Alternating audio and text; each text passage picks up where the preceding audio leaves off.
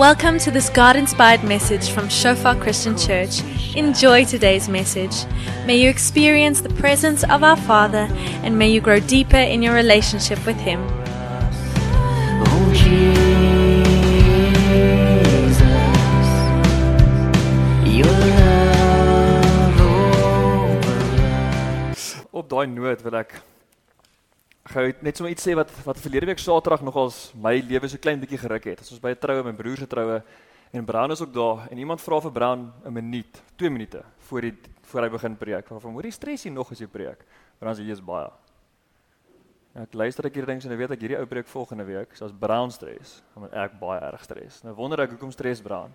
En Brown sê elke keer as hy sommer elke keer as hy preek, Want hy het hierdie afhanklikheid van die Here. Hy groei saam met die Here en die Here lei hom en hy wys hom en hy verander goed en dis goed. Hy sê, "Maar imagine die Here besluit eendag, okay, kom ons kyk wat doen jy op eie." Jesus, en dis nie 'n goeie ding om te hoor week voor jy moet preek nie. En ek sê, "Jesus, like, dit kan nogal sleg wees." En dit is 'n ligte grappie van Brand, maar dit stiek nogals by my hierdie week. En ek sê, "Jesus, Here, mag niks wat vandag gesê word is kyk hoe doen er hier op sy eie nie, want dit sal dan maar 'n treinrek wees." En toe sing ons ook nou to God be the glory. En dit is dis regtig wat ek net vanoggend sê as jy vanoggend gehoorsaam was om 'n gesin kerk toe te bring wat dalk verslaap het of dalk nog wou slaap of jy was gehoorsaam om dalk gister terug te ry van waar ook al 'n vakansieplek of waar ook al jy was. As jy gehoorsaam was om jou gesin hier te kry vanoggend of as jy dalk gehoorsaam was om daai 2-jarige wat regtig moeilik is, net nog 'n kans te gee sodat ons by die kerk kan kan uitkom. Of as jy gehoorsaam was om die deure te kom oopsluit of om lofprysing te doen, is dit niks anders as een wat hier staan om te preek nie, want al wat God vir ons vra is wees dit gehoorsaam. Laat dit net ek wees. En daarom moet ons almal 'n rol hê. So ek gaan vir ons begin deur deur daarvoor te bid. Here, dankie dat U vir ons goed is. Dankie Here dat U 'n rol vir ons elkeen gee hier by die kerk. Soms is daai rol op ons gesin gefokus en soms is hy gefokus op die rondom ons. Maar Here, laat ons nie hier uitstap vandag en 'n gesprek nie hê nie wat ons moes gehad het. Laat ons nie hier uitstap vandag en iets nie aanvaar nie wat ons moes aanvaar het nie, Here. Ek gee net sê die hele diens in U oor en dat U regtig elke woord wat reeds gebring is sal laat vind standplek vind in harte en elke woord nog gebring moet word ook sal gebruik ter ere verheerliking van U naam. Amen. So vanoggend gaan ons net twee goeters na kyk. Ons gaan begin deur te kyk na 'n uh, 'n teologiese beginsel, 'n waarheid. En dan gaan ons kyk hoe dit lyk en dan gaan ons 'n voorbeeld daarvan in die praktiese lewe na kyk. So dit is dis twee goed, dis eenvoudig goed. Ons begin in Johannes, ons maak klaar in Matteus. En dan heel aan die einde, dan gaan ek vir jou twee vrae vra, spesifiek op hierdie twee waarhede. Die een is 'n waarheid en die een is 'n toepassing. Dan gaan ons met dadelik inspring. Wie het al ooit al hierdie sin gehoor? Die waarheid sal jou vrymaak. In Engels hoor ons dit dalk baie meer gereeld, die sin sê the truth will set you free. So my kommitment vir oggend is om te stiek by die waarheid sal jou vrymaak en die toepassing daarvan 'n bietjie later. Wat ek vir jou wil vra vir jou kommitment is ek gaan ook 'n paar vrae intussen vra om regtig daai vrae te antwoord. En dit nie net te hoor nie. Ek is baie goed met 'n vraag hoor en te wag vir die antwoord. Ek is baie goed daarmee. En ons almal is goed daarmee. Maar ek wil jou regtig vanoggend vra om die vrae te antwoord. Dalk vir die persoon langs jou, dalk vir jouself, maar dit genuen te antwoord. Is dit 'n deal? Kan ons kan ons dit sê? As jy seker om hierdie vraag te antwoord gaan 'n lang oggend wees. Is dit 'n deal? Sal jy sal ons die vrae antwoord? Great. Cool. So as hierdie die, die sin is die waarheid sal jou vrymaak. Dan is die volgende vraag ek, maar wat is die waarheid? En waarvan sal dit jou vrymaak? Daar's 'n baie cool videoklip van 'n ou in 'n um in 'n tronk in in North Carolina en hy is 'n rowwe misdadiger, moordenaar, lewenslank in die tronk en hy ontmoet die Here in die tronk, gee sy hart vir die Here en vir goeie gedrag be begin hulle gesprekke met mense. Hoorie so, ons kan jou vonnis opskort, ons kan jou dalk ons kan ja, ons kan jou dalk vrylaat. Vroeër, hy sê vrylaat. Vrylaat waarvan? Die Here soek my hier. Jy gaan my nie vrylaat as jy my nou hier laat uitgaan nie. Dit sal eintlik 'n ramp wees. Soos ek jy kan my vrylaat van my bediening nie. So ons moet in hierdie sin, ons het twee belangrike goed. Ons moet eers weet wat is die waarheid en ons eers weet waarvan dit ons vrymaak voordat hierdie sin enigstens vir ons iets kan beteken. En die beskrywing daarvan kom dan in Johannes 8 vers 30 tot 32. Kort kort teksvers.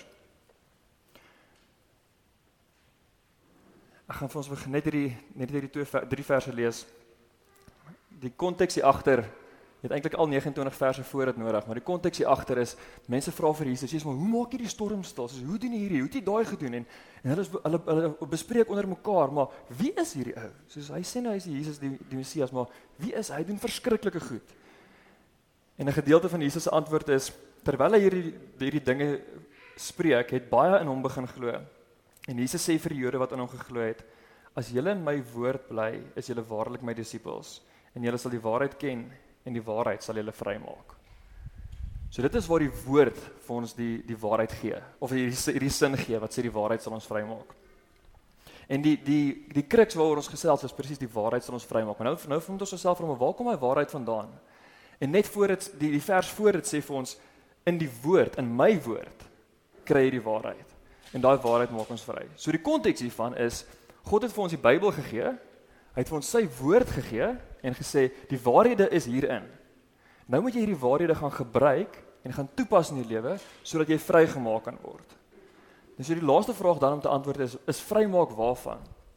En hierdie is 'n dis 'n preek op sy eie, dit is 'n hele klomp goed, maar onder andere is dit die hel. So die eerste waarheid wat ons almal mee saamstem, glo ek mee saamstem is God het sy seun gestuur om aarde toe te kom en gekruisig te word om vir ons sondes te sterf sodat ons ewige lewe kan hê.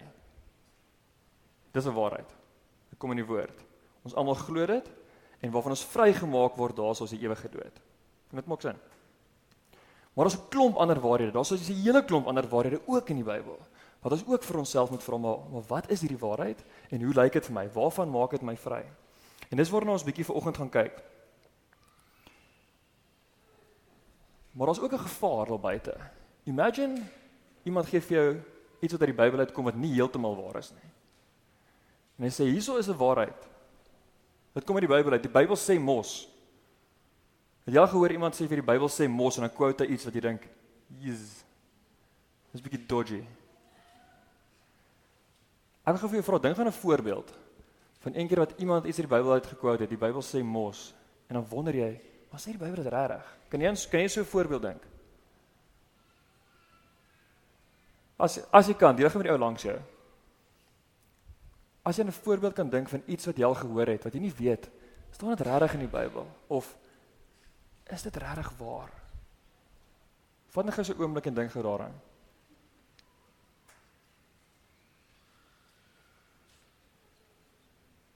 As jy nie kan nie, moenie bekommer nie. Ek het geweet hierdie vraag kom, so ek het 'n storie. Ek onthou baie goed in my tweede jaar op universiteit. Ons het kalkulus gehad in die teologie gebou, julle ironies. En dit is lekker dat dit in die teologie gebou is, dan hoef jy nie te leer nie. Jy weet ons daar's 'n vers in die Bybel wat sê I can do all calculus through him who strengthens me.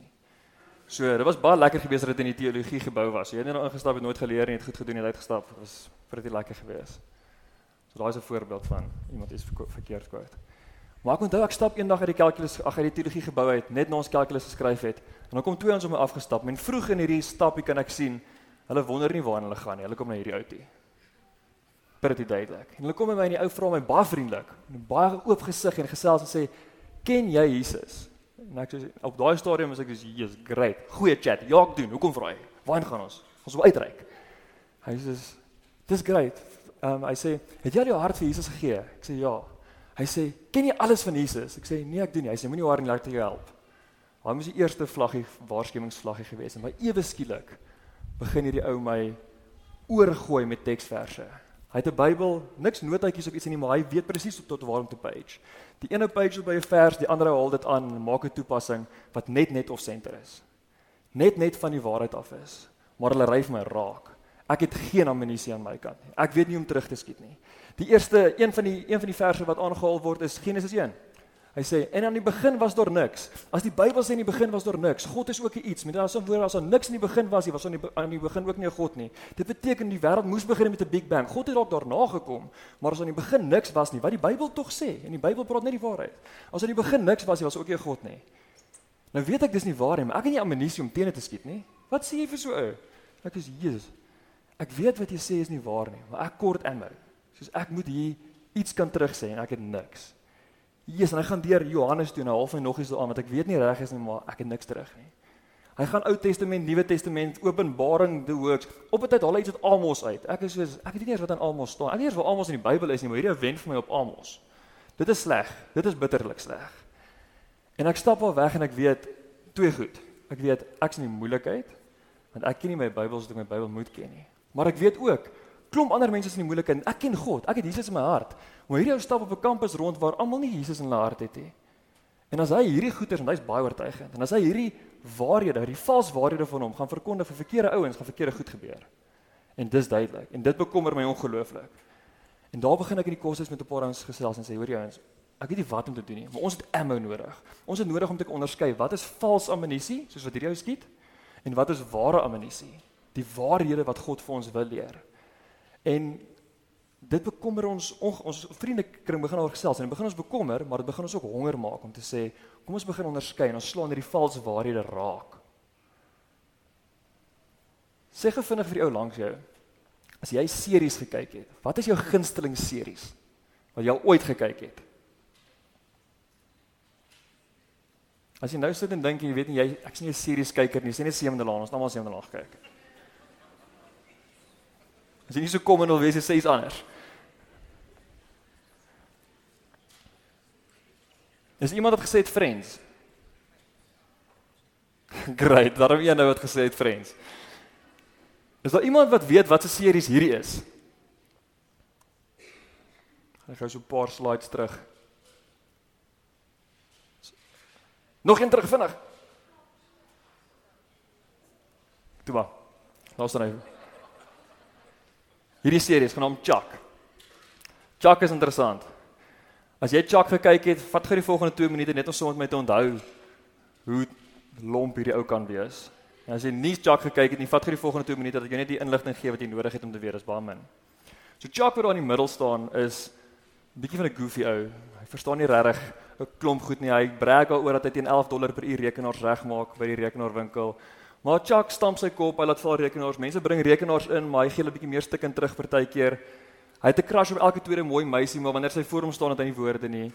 Hy skop goed van die rakke af. Hy Chuck is eintlik maar net 'n bietjie van 'n ongeluksvoel, bietjie van 'n longbou, bietjie bietjie van 'n weirdo. Maar Chuck het een ding wat in sy gunstel. Hy het 'n fotogeniese geheue. Ek het altyd op skool gewens ek het so 'n ding. Hy kan iets een keer sien en dit onthou. Maar die probleem is hy kan dit nie willekeurig terugroep nie. So nou kan hy hierdie ding onthou, maar goed trigger nou weer wat hy onthou. En lank storie kort kry Chuck 'n file met al die inligting van die FBI, van die Amerikaanse intelligensie die maffias in elke verskillende land, die top 10 kriminele in elke land, hulle geskiedenis, waar hulle is, wat se wapens hulle het, wat hulle wil doen, wat hulle planne is, daai hele file en alles onthou hy, alles sit in sy kop. En die twee mense aan sy weerskant is Sarah en Casey. Jy hoef julle name te onthou nie. Dis van die CIA en die FBI en hulle besef ons moet hierdie beskerm, want daai file blaas toe op na die tyd. So die enigste plek in die hele wêreld waar hierdie belangrike inligting is om die wêreld veilig te hou, is in Chuck se kop. Hierdie lomp, dowwe snaakse ou is nou ewe skielik die belangrikste ding in die hele wêreld vir hulle. En hulle begin hom oppas. En so gaan 6 seisoene aan wat Chuck eintlik maar net 'n droogmaker is en hulle probeer dit hier in die lewe hou, want as hy nou iets oorkom, dan is al hulle intelligensie weg. Maar hy's so na 5 en 6 seisoene kom hulle agter. Hierdie is eintlik belangrik. So as hulle hom saamvat na die oorlogstoneel of na die gevegte toe en hy sien iemand se gesig, dan onthou hy weer iets. Dan deel hy dit met hulle. Hulle sê o, hierdie ou, nê, nee, hy is eintlik die hoof van daai maffia en hy doen hierdie. Toe besef hulle, dis goed om hierdie ou saam te vat, want goed trigger hom en trigger daai inligting in sy kop. En dan kan hy vir hulle hierdie feite gee, hierdie waarde gee. En dit raak toe sports. Hulle vlieg nou vir Chuck oral saam na al hierdie avonture toe, maar hierdie ou is nie eens goed in rekenaar nie, never mind nog 'n geweer. Nou ek het in die week gelê en dink, dis ek sê as ek moet kies of vir Chuck of my 4-jarige seentjie 'n gelaaide geweer gee. Dis 'n no-brainer, dis my seentjie. Dit is soos jy dink nie eers twee keer daaroor nie. Maar Chuck besef toe, hy is nogal 'n belangrike bate in hierdie ding. Hy hulle vat hom saam, hulle kan nie sonder hom nie, hulle kry inligting by hom. Hy is nogal baie belangrik. Maar hy is nie die enigste wat dit besef nie. So hier en daar begin party van die vyande ook besef, ons moet van hierdie ontslaa raak, want hy is die ou met al die inligting. En dis nie 'n goeie ding as die vyand dit besef nie, want nou raak hy ewesklik public enemy number 1. En erns in in een van die episode sê Chuck, ek weier om saam te gaan. En hierdie twee is soos jy kan nie weier om saam te gaan nie. Dis ons het jou nodig. Hy sê ek weier, hulle gaan vir my doodmaak. Geldige punt. Hy sê ek weier om saam te gaan behalwe as jy vir my 'n geweer gee. En dan kyk mekaar so hulle soos hierdie gaan maar bly. In daai geval dan bly hy. En hy sê ek sal die saam gesien vir 'n geweer gee. Hulle besluit dit is nie twee van hulle. Hulle gaan vir hom 'n geweer gee wat great lyk like, met valse ammunisie in. Hy gaan 'n hengskelle waai maak, maar daar gaan nie 'n patroon uitkom nie, want hierdie ou gaan of homself doodskiet of een van hulle twee doodskiet. So hulle gee toe vir hom 'n geweer met valse ammunisie in. Maar of dit valse ammunisie of regte ammunisie is, as jy eweveel selfvertroue. En dis 'n probleem. So wat gebeur is Chuck is eers ewesklik agter hierdie twee en hy bly agter hulle en hy's versigtig. Ons elke nou en dan kyk hy af en sê hy, "Maar ek het my eie ammunisie. Ek het my eie geweer ek's veilig. Ek kan myself beskerm." En so begin hy afdwaal. En hulle is agter hierdie Russiese maffia aan en hy begin afdwaal. En hulle is agter daai mense aan en hy begin afdwaal tot op 'n punt wat hy elke nou en dan bietjie alleen rondloop, net hy en sy gun. Chuck en sy gun. En hy hy voel baie veilig want hy het ammunisie. En een aand laat op 'n treinstasie loop hy om 'n trein waar en een van die ouens wat agtergekom het wie Chuck is, wag vir hom. So lank loop in sy gesig. En toe hy om die waar kom, toe sit daai vir hom en sê, "Dis verby met jou." Maar gelukkig het Chuck 'n geweer. En hy trek daai geweer dadelik. Hy sê, "Dis hierdie dis hierdie oomblik waarvoor ek gewag het."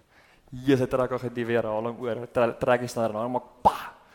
Haar ou sit en lag vir hom. En Chuck besef vir die eerste keer hy glo 'n vals waarheid al vir 'n hele rukkie. Hy's in die moeilikheid, groot moeilikheid. Einde van sy lewe moeilikheid.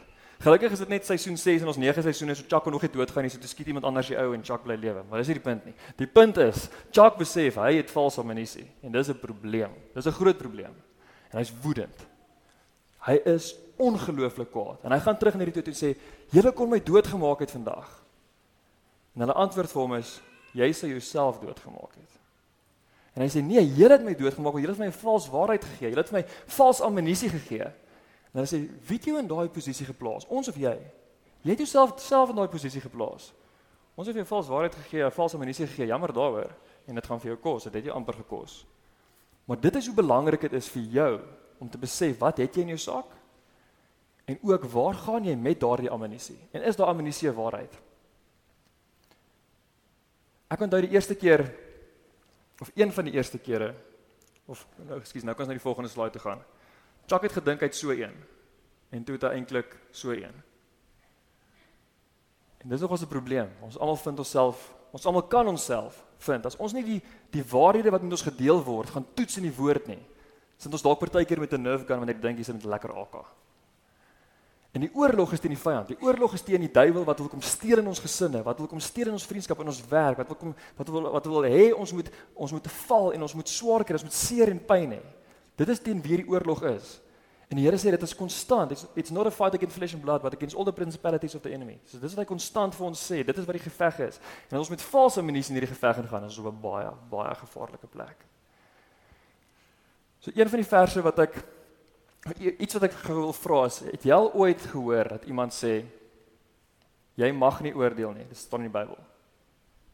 Iemand het dit gehoor, daai vers gehoor. Ek kan goed onthou die eerste keer wat ek het hoor, wat ek het gehoor het. Ek was graad 9 gewees. Gee meisie haar hart vir die Here. En ons staan in 'n kring voor die saal en gesels. Is iemand anders hier wat dit ook daar kan onthou? En iemand anders sê, "Kom ons gaan Vrydag aand soontoe om te gaan drink." En sy sê, "Uh, uh ek gaan nie." En almal is soos, "Wag, wat?" Verlede week was nie issue nie. Hoekom is hierdie week issue? Was dit letterlik die vraag. En haar antwoord is, "Ek gaan nie Want my liggaam is 'n tempel. Die woord leer ons dit. En ek gaan my liggaam oppas. En sy gaan een verder en sy sê ek het besef dat dit wat ek gedoen het was verkeerd en dit wat jy wil gaan doen Vrydag aand is verkeerd. En as jy nie jou liggaam oppas soos wat God ons beveel nie, is dit is dit sonde. Dit is sonde om dit te gaan doen. En die reply van die ou met altyd die antwoord is 'n eenvoudige een. As dit verkeerd is om te drink en ons nie groot en klein sonde nie, Is dit net so verkeerd van jou om my te oordeel vir wat ek Vrydag aand gaan doen? Jy durf nie dit sê nie. En eweslik dra die hele gesprek op haar. Eweslik gaan dit van sy wat deel van haar oortuiging van haar bekering na nou moet sy begin verdedig. En die hele gesprek dra op haar. Ja, hoe durf jy oordeel? Jou fake Christen, hoe durf jy oordeel? Jy mag nie oordeel nie. Die Bybel sê jy mag nie oordeel nie. En dit is waar. Die Bybel sê 'n hele klomp goed, maar een van die goed hy sê jy mag nie oordeel nie. Kom ons kyk na Matteus 7. Eerste 3 woorde van Matteus 7 moenie oordeel nie. So die counterargument was waar. Maar was buite konteks. Want wat sê die res van Matteus 7? Daai is 'n waarheid. Dit is 'n waarheid. Maar kom ons kyk in konteks of dit 'n ware waarheid was of of dit 'n vals waarheid was. Wanneer die res van Matteus 7 sê moenie oordeel nie sodat jy nie geoordeel word nie. Want met oordeel waarmee jy oordeel, sal jy geoordeel word. En met die maat waarmee jy meet, sal weer vir julle gemeet word. Nou ek wil begin deur te sê daar's ons baie sulke vals waarhede in die lewe wat insluip. Ons gaan nie vandag na almal kyk nie, want ons is regtig baie. Ons gaan net na hierdie een kyk. En ek wil net hierdie een by jou los. Maar as jy vers 2 eweslik langs vers 1 sit en ons gaan terug na die voorbeeld toe wat ek nou net gegee het. Dan is dit eintlik nie so bad nie. Want as haar standaard waarmee sy geoordeel was, een is wat ek wil meer soos Jesus wees. Ek het my hart vir God gegee en ek wil meer soos hy wees. En ek gaan jou oordeel, jou dade gaan ek oordeel op grond van die standaard van meer soos Jesus wees. En die woord sê jy sal met dieselfde standaard ge, geoordeel word as wat jy my oordeel. Dan is dit oukei. Okay. Dit sou goed gewees het vir haar. Want sy sê ek wil geoordeel word volgens Jesus se wil, volgens die perfekte lewe volgens Jesus se wil. Ek wil. En toe pas sy dit op daai persoon toe. En die regte antwoord sou gewees het, "Oké, okay, ek hoor wat jy sê, maar kan ek dieselfde van jou verwag?"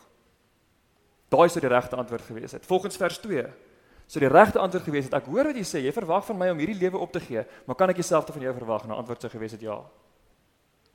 Die antwoord sou definitief gewees het, "Ja," want dit was haar oortuiging. Dit is wat sy gaan doen. So iewes skielik laai ons 'n vals waarheid en ons sê moenie oordeel nie. Die eerste 3 woorde van Matteus 7. Ons 42 verse in hierdie in hierdie hoofstuk. Wie is ons om die eerste 3 uit konteks uit te trek en valse amnestie te vat? Want net die tweede vers sê jy mag oordeel, intendeel jy moet, maar weet met dieselfde standaard as wat volgens as wat jy veronderstel. Vers 3, 4 en 5 saam skep 'n mooi prentjie. Dit sê En waarom sien jy die splinter in die oog van jou broeder, maar dalk nie die balk in die oog van jou of jy merk nie die uh, maar nie die balk in jou eie oog merk jy nie op nie.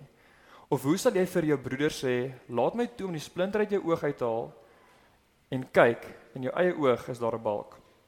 Gefeinste haal eers die balk uit jou eie oog en dan sal jy goed sien om die splinter uit die oog van jou broeder te haal. Lekker vers om te sê. Wie is jy om vir my te sê as jy ook sonde het? Maar inteendeel, wat hierdie vers eintlik vir ons sê is, kom in nederigheid en humility voor God en sê, Here, ek weet ons balk in my oë. Hoe ek my vrou hanteer is nie reg nie. Hoe ek die mense by die werk hanteer is nie reg nie. Hierdie wat ek kyk as my as ander mense nie kyk nie, is nie reg nie. Hierdie wat ek doen as ander mense nie by my is nie, is nie reg nie. As ek uit die kerk uitstap of op 'n Saterdag aand en ek wil myself op 'n spesifieke manier gedra, dis nie reg nie. Die om in nederigheid voor God te kom en te sê, Here, haal asseblief die balk uit my eie oë.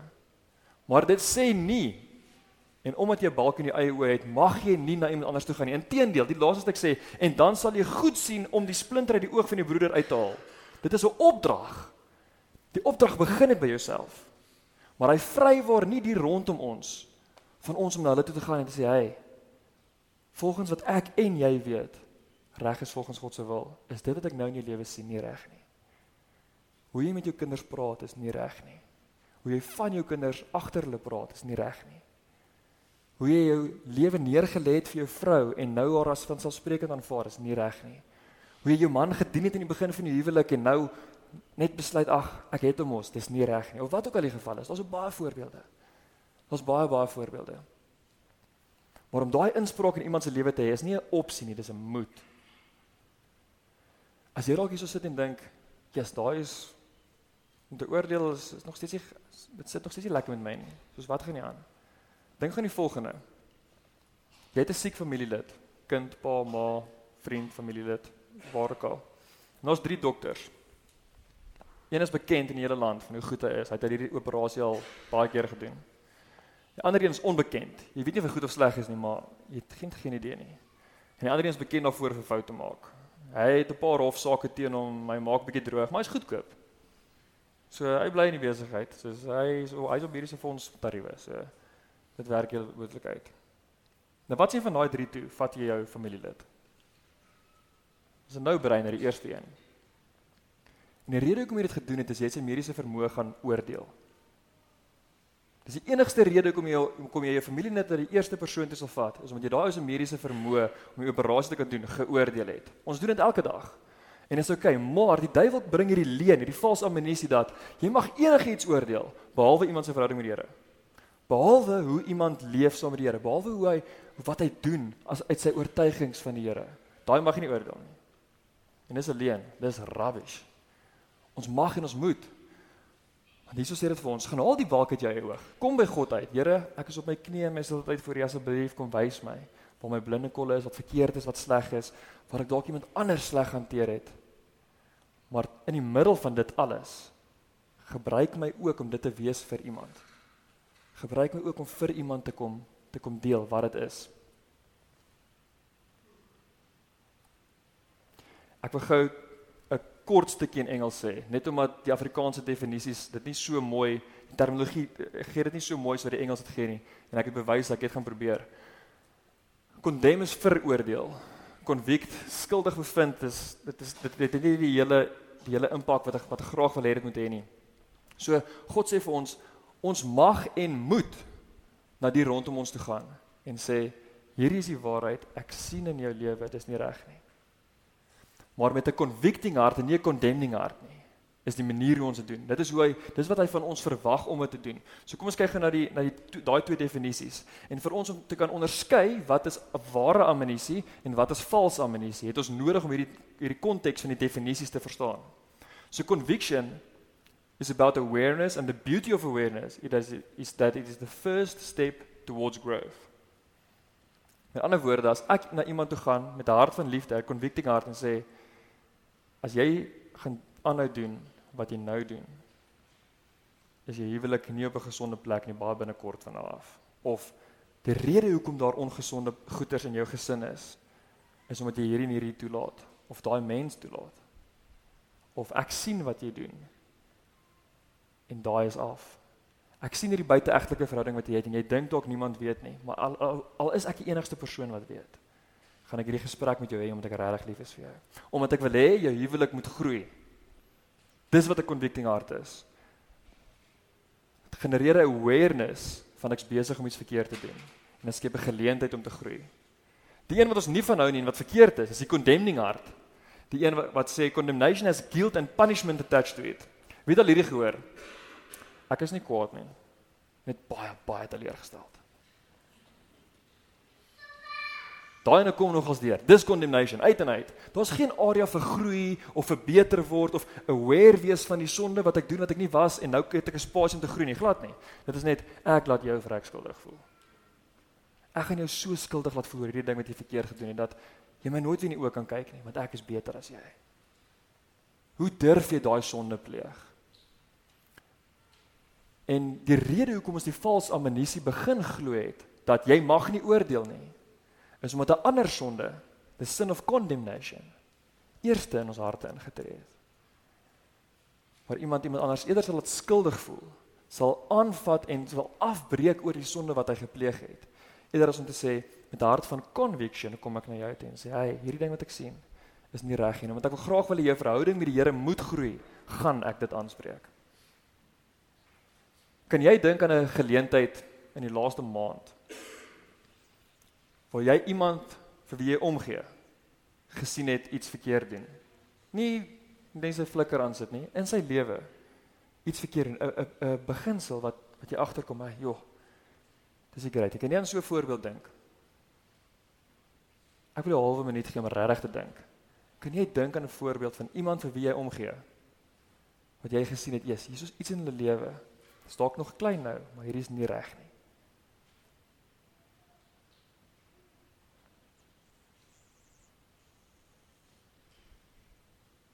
Dan die moeilike vraag is, ek kan aan so 'n voorbeeld dink. Die moeilike vraag is het jy, het ek? Ek kan sommer begin met die antwoord is nee. Het ek uit gehoorsaamheid opgetree tot die volle konteks van Matteus 7 om te sê nou gaan ek met daai persoon gaan praat. Dan gaan ons sê, "Hey, hierdie wat jy doen is nie reg nie." Vir my is die antwoord ongelukkig nee, dit is my baie sleg om te erken, maar dit gebeur. Maar God, God stuur ons op hierdie paai om daai moeilike gesprekke te gaan hê. Ons is ongehoorsaam tot God wanneer ons nie hierdie gesprekke gaan hê nie. Die teenoorgestelde kant is ook waar. Die volgende vraag ek vra. Het iemand een of ander tyd, hoef nie onlangs te gewees het nie. Het iemand een of ander tyd dalk na jou toe gekom en hierdie gebeur nie so gereeld as wat moet gebeur nie, maar het iemand dalk na jou toe gekom en gesê, "Hey, Daai was jy reg nie. Hy ek wil graag met jou praat oor hierdie ding wat ek wat my seer maak. Ek wil graag met jou praat oor daai ding wat wat ek sien nie gebeur soos dit moet gebeur nie. En hoe het jy dit hanteer? Daar's dalk baie pyn en baie seer aan die ander kant. Maar om oop te wees vir hierdie gesprek is net so belangrik soos om die een te wees wat hierdie gesprek kan hê.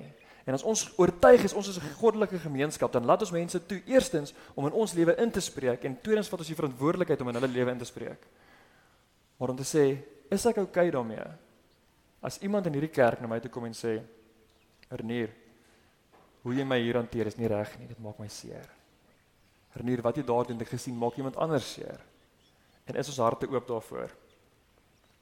Ek is versigtig om te veel my voorbeeld te gebruik. So kom ons grond dit in die teks en ons gaan aan in Matteus, Matteus 18.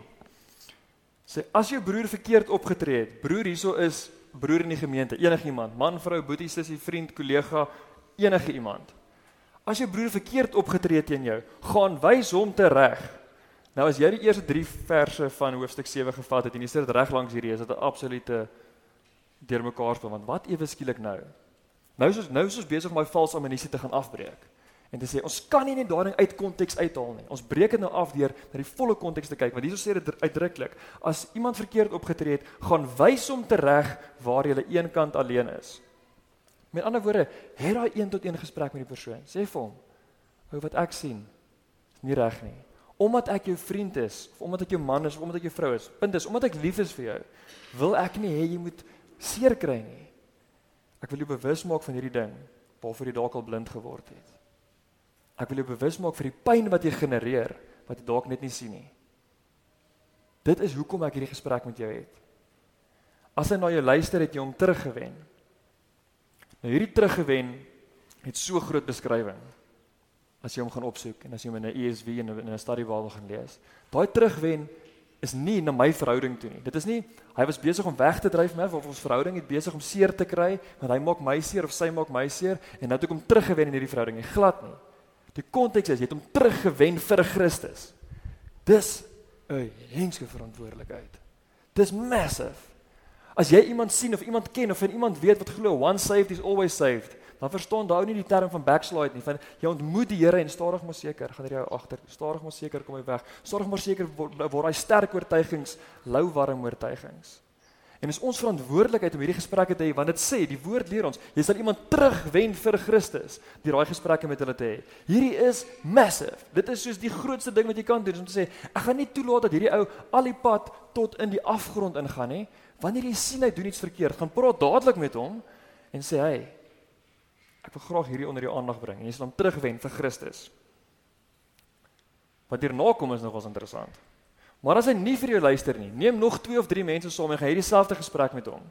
Nou dis nie so dat jy net numbers kan hê op hom nie of dit is nie net dat jy hom kan vasdruk as hy wil weghardloop nie. Die konteks hiervan is eintlik net so groot beskrywing want wat dit sê is ek kan ook 'n fout maak. As ek na jou toe kom en sê ek wil hierdie gesprek met jou hê want ek voel dit of dit, kan ek ook deceived wees. Ek kan ook dit gemis het. So wat ek nou doen, nou gaan ek eers na twee of drie ander mense toe. Ek skep vir hulle die konteks. Ek sê vir hulle, ek het met hierdie ou gaan praat uit liefde, want dit is wat ek sien in sy lewe. Dis die vrug wat in haar lewe gebeur of dit is wat besig is om te gebeur en ek wil graag hom help om nie dit te beleef nie, om nie daai seer kry te hê nie. En hulle sê dalk vir jou, ouma, wat jy mis is jy sien dit in die hart van jaloesie jy wens dit gehad het hy het of jy sien dit met 'n hart van trots of met 'n hart van shame. En die rede hoekom jy daai 2 of 3 inbring is vir jou eie accountability en om seker te maak dat okay, voordat ek nou terug gaan na hierdie ou toe en weer vir hom sê, "Hey ou, ons het ons nie oor gepraat." Net om seker te maak en sê, "Here, praat asseblief deur hierdie mense en hou my ook accountable." En dan gaan ons 2 of ons 3 na hom toe sê, "Weet jy wat? Onthou jy daai gesprek wat ek met jou gehad het? Ek wil net seker maak ek is nie line nie." Ek wil net seker maak dat hierdie groot verantwoordelikheid wat ek het om in jou lewe in te spreek om te sê hoe jy daai hanteer is nie reg nie of hoe hierdie mense hanteer is nie reg nie. Ek net seker maak ek's okay en ek het ek het hulle gevra of hulle dieselfde sien en hulle sê ja. En ons is al drie lief vir jou.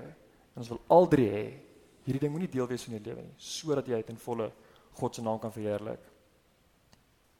As daai ou enigiets Matteus 18 ken, luister hy net daar want die volgende stap is en as hy nie na hulle luister nie, sê dit vir die hele gemeente.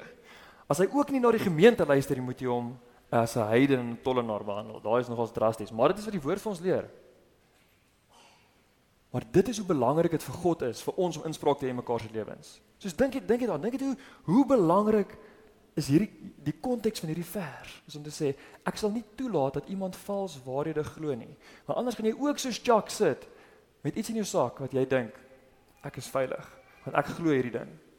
En ek glo met alles in my.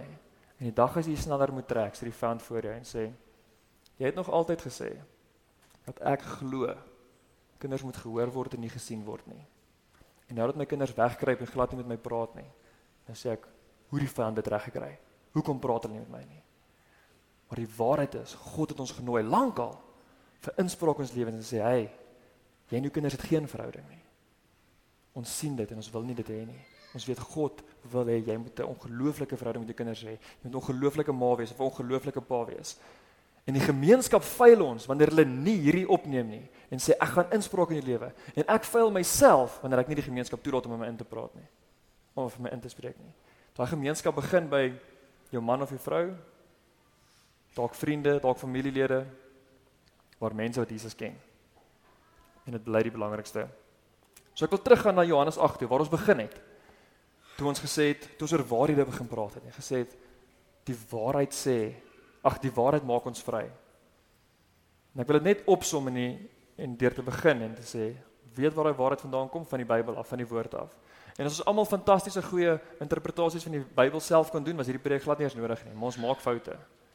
En partykeer konder mense hier buite 'n teologie gebou met waarhede wat net heeltemal wayward is. En dan moet ons weet waar om die regte waarhede te gaan vind in die woord. En dit sê daai waarhede sal vir ons vrymaak. Sal ons vrymaak van die Satan se impak in ons lewens. Sal ons vrymaak van verslawings. Sal ons vrymaak van 'n hele klomp goeders. En die een waarheid waarna ons vandag kyk, spesifiek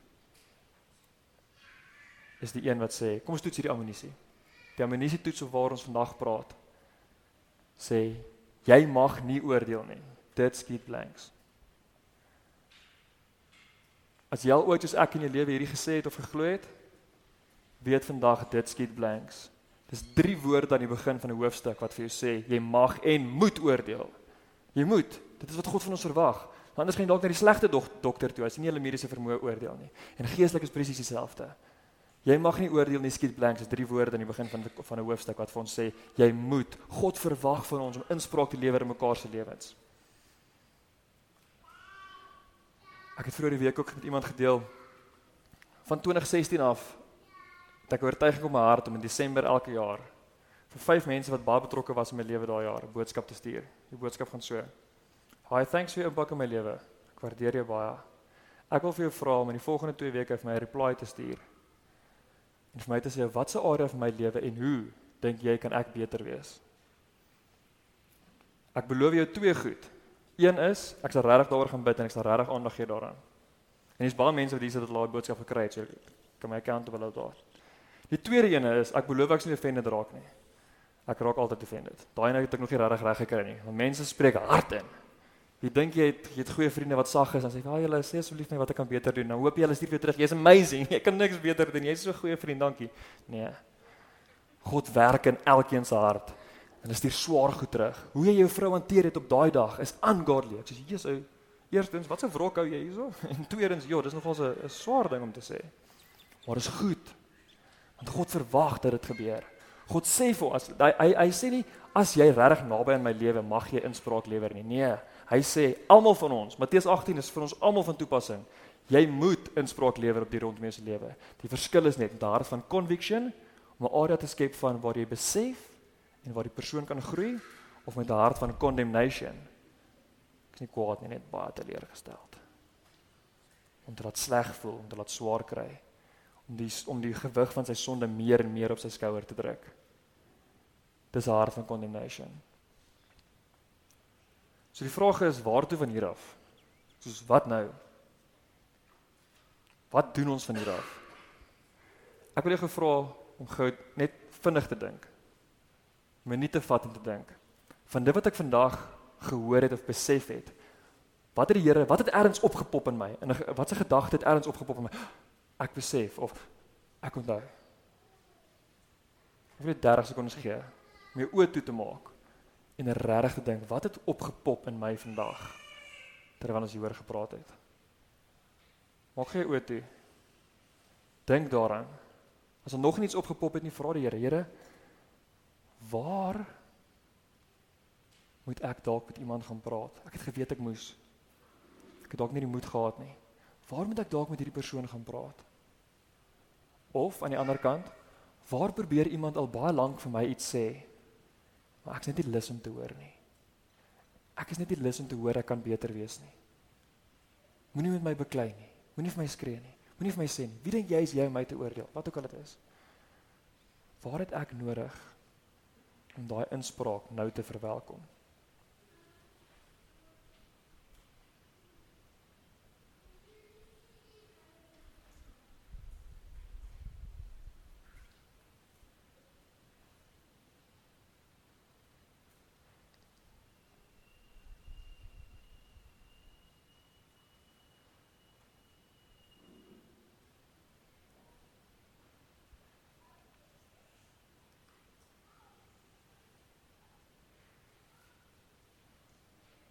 So hier is ons amnestie toets vir die week.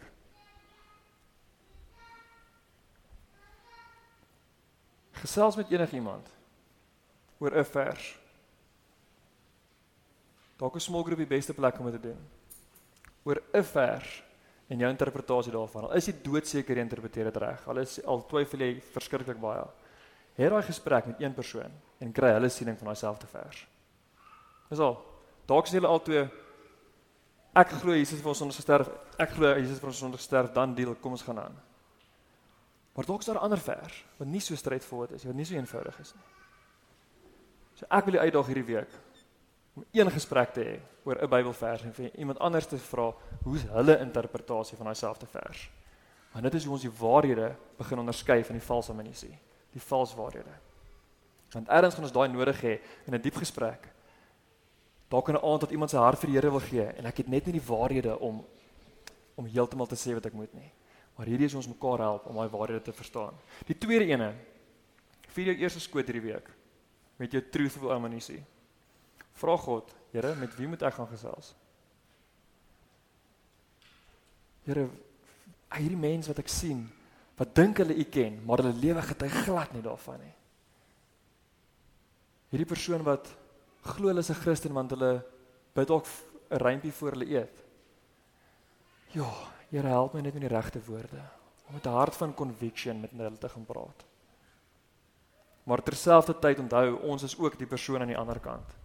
As ons in hierdie gemeente sê ons gaan uitgaan en daai goedjies mense gaan begin uitwys, gaan ons partykeer ook die aan die ander kant wees waar daai goedjies uitgewys word of dit of ons is perfek. So ook die ander kant is Here, help my ook asseblief dat wanneer iemand na my toe kom dat ek dit regtig regtig ter harte sal neem. Ongeag wat die gesprek is. Dat ek alslag gaan bid en sê, "Jesus, ek dink nie ek laat jou so voel nie, maar ek is bereid om daar te gaan bid." Jesus, ek dink nie hierdie wat ek doen is verkeerd nie. Ek dink nie hoe ek daai persoon hanteer is verkeerd nie. Ek dink nie om een keer elke 27 weke kerk toe te gaan is verkeerd nie. Maar ek ek sal daar gaan bid. Dankie dat jy inspraak lewer. Dankie dat jy so lief is vir my dat jy bereid is om te kom praat in my lewe. Ja, want daar's nie baie sulke mense nie. Ek wil vir ons daar bid en na ek gebid het, wil ek jou nou regtig hierdie vraag vir jouself te vra. Met wie moet ek gaan praat? En wie het al met my kom praat dat ek net nie 'n oop hart voor gehad het nie. Kom ons bid. Here, dankie dat U hier is. En dankie dat U goed is. Dankie Here dat U ons gebruik om mekaar te slyp. Dankie dat U vir ons in Spreuke 27 leer dat yster slyp yster soos een man 'n ander slyp. Dankie Here dat U ons gebruik om mekaar se lewens inspraak te lewer. Dankie dat U vir ons sê dat as jou broer verkeerd opgetree het, dan moet jy vir hom gaan teregwys. Dis nie 'n opsie nie, Here. Ons verklaar dat jy dat ons daardie opdrag ernstig opneem. Wanneer jy sê moenie moord pleeg nie, dan sê ons is reg. Wanneer jy sê moenie jok nie, dan sê ons is reg, maar wanneer jy sê ons moet ons broer gaan teregwys, Here, dan skram ons soms weg. Here, wys ons asseblief hoe om dit op te neem, net so belangrik soos al die ander waarhede wat ons opneem in die Bybel. Ek bid dat U vandag vir ons die moed sal gee om daai gesprekke te te hê, die liefde sal hê met heart of conviction te kom en dan die gehoorsaamheid te hê om dit deur te voer, Here. Gee ons boldness, Here, om inspraak te gaan lewer in mense se lewe hierdie week. En gee ons die volwassenheid en geloof en die sagte harte om wanneer daai inspraak na ons toe kom werklik werklik oop te wees daarvoor en bereid te wees om te verander. Ja Here, soos ons almal se oë toe is, bid ek dat U regtig nou mense se name op harte sal plaas. Met wie ons moet gaan gesels hierdie week.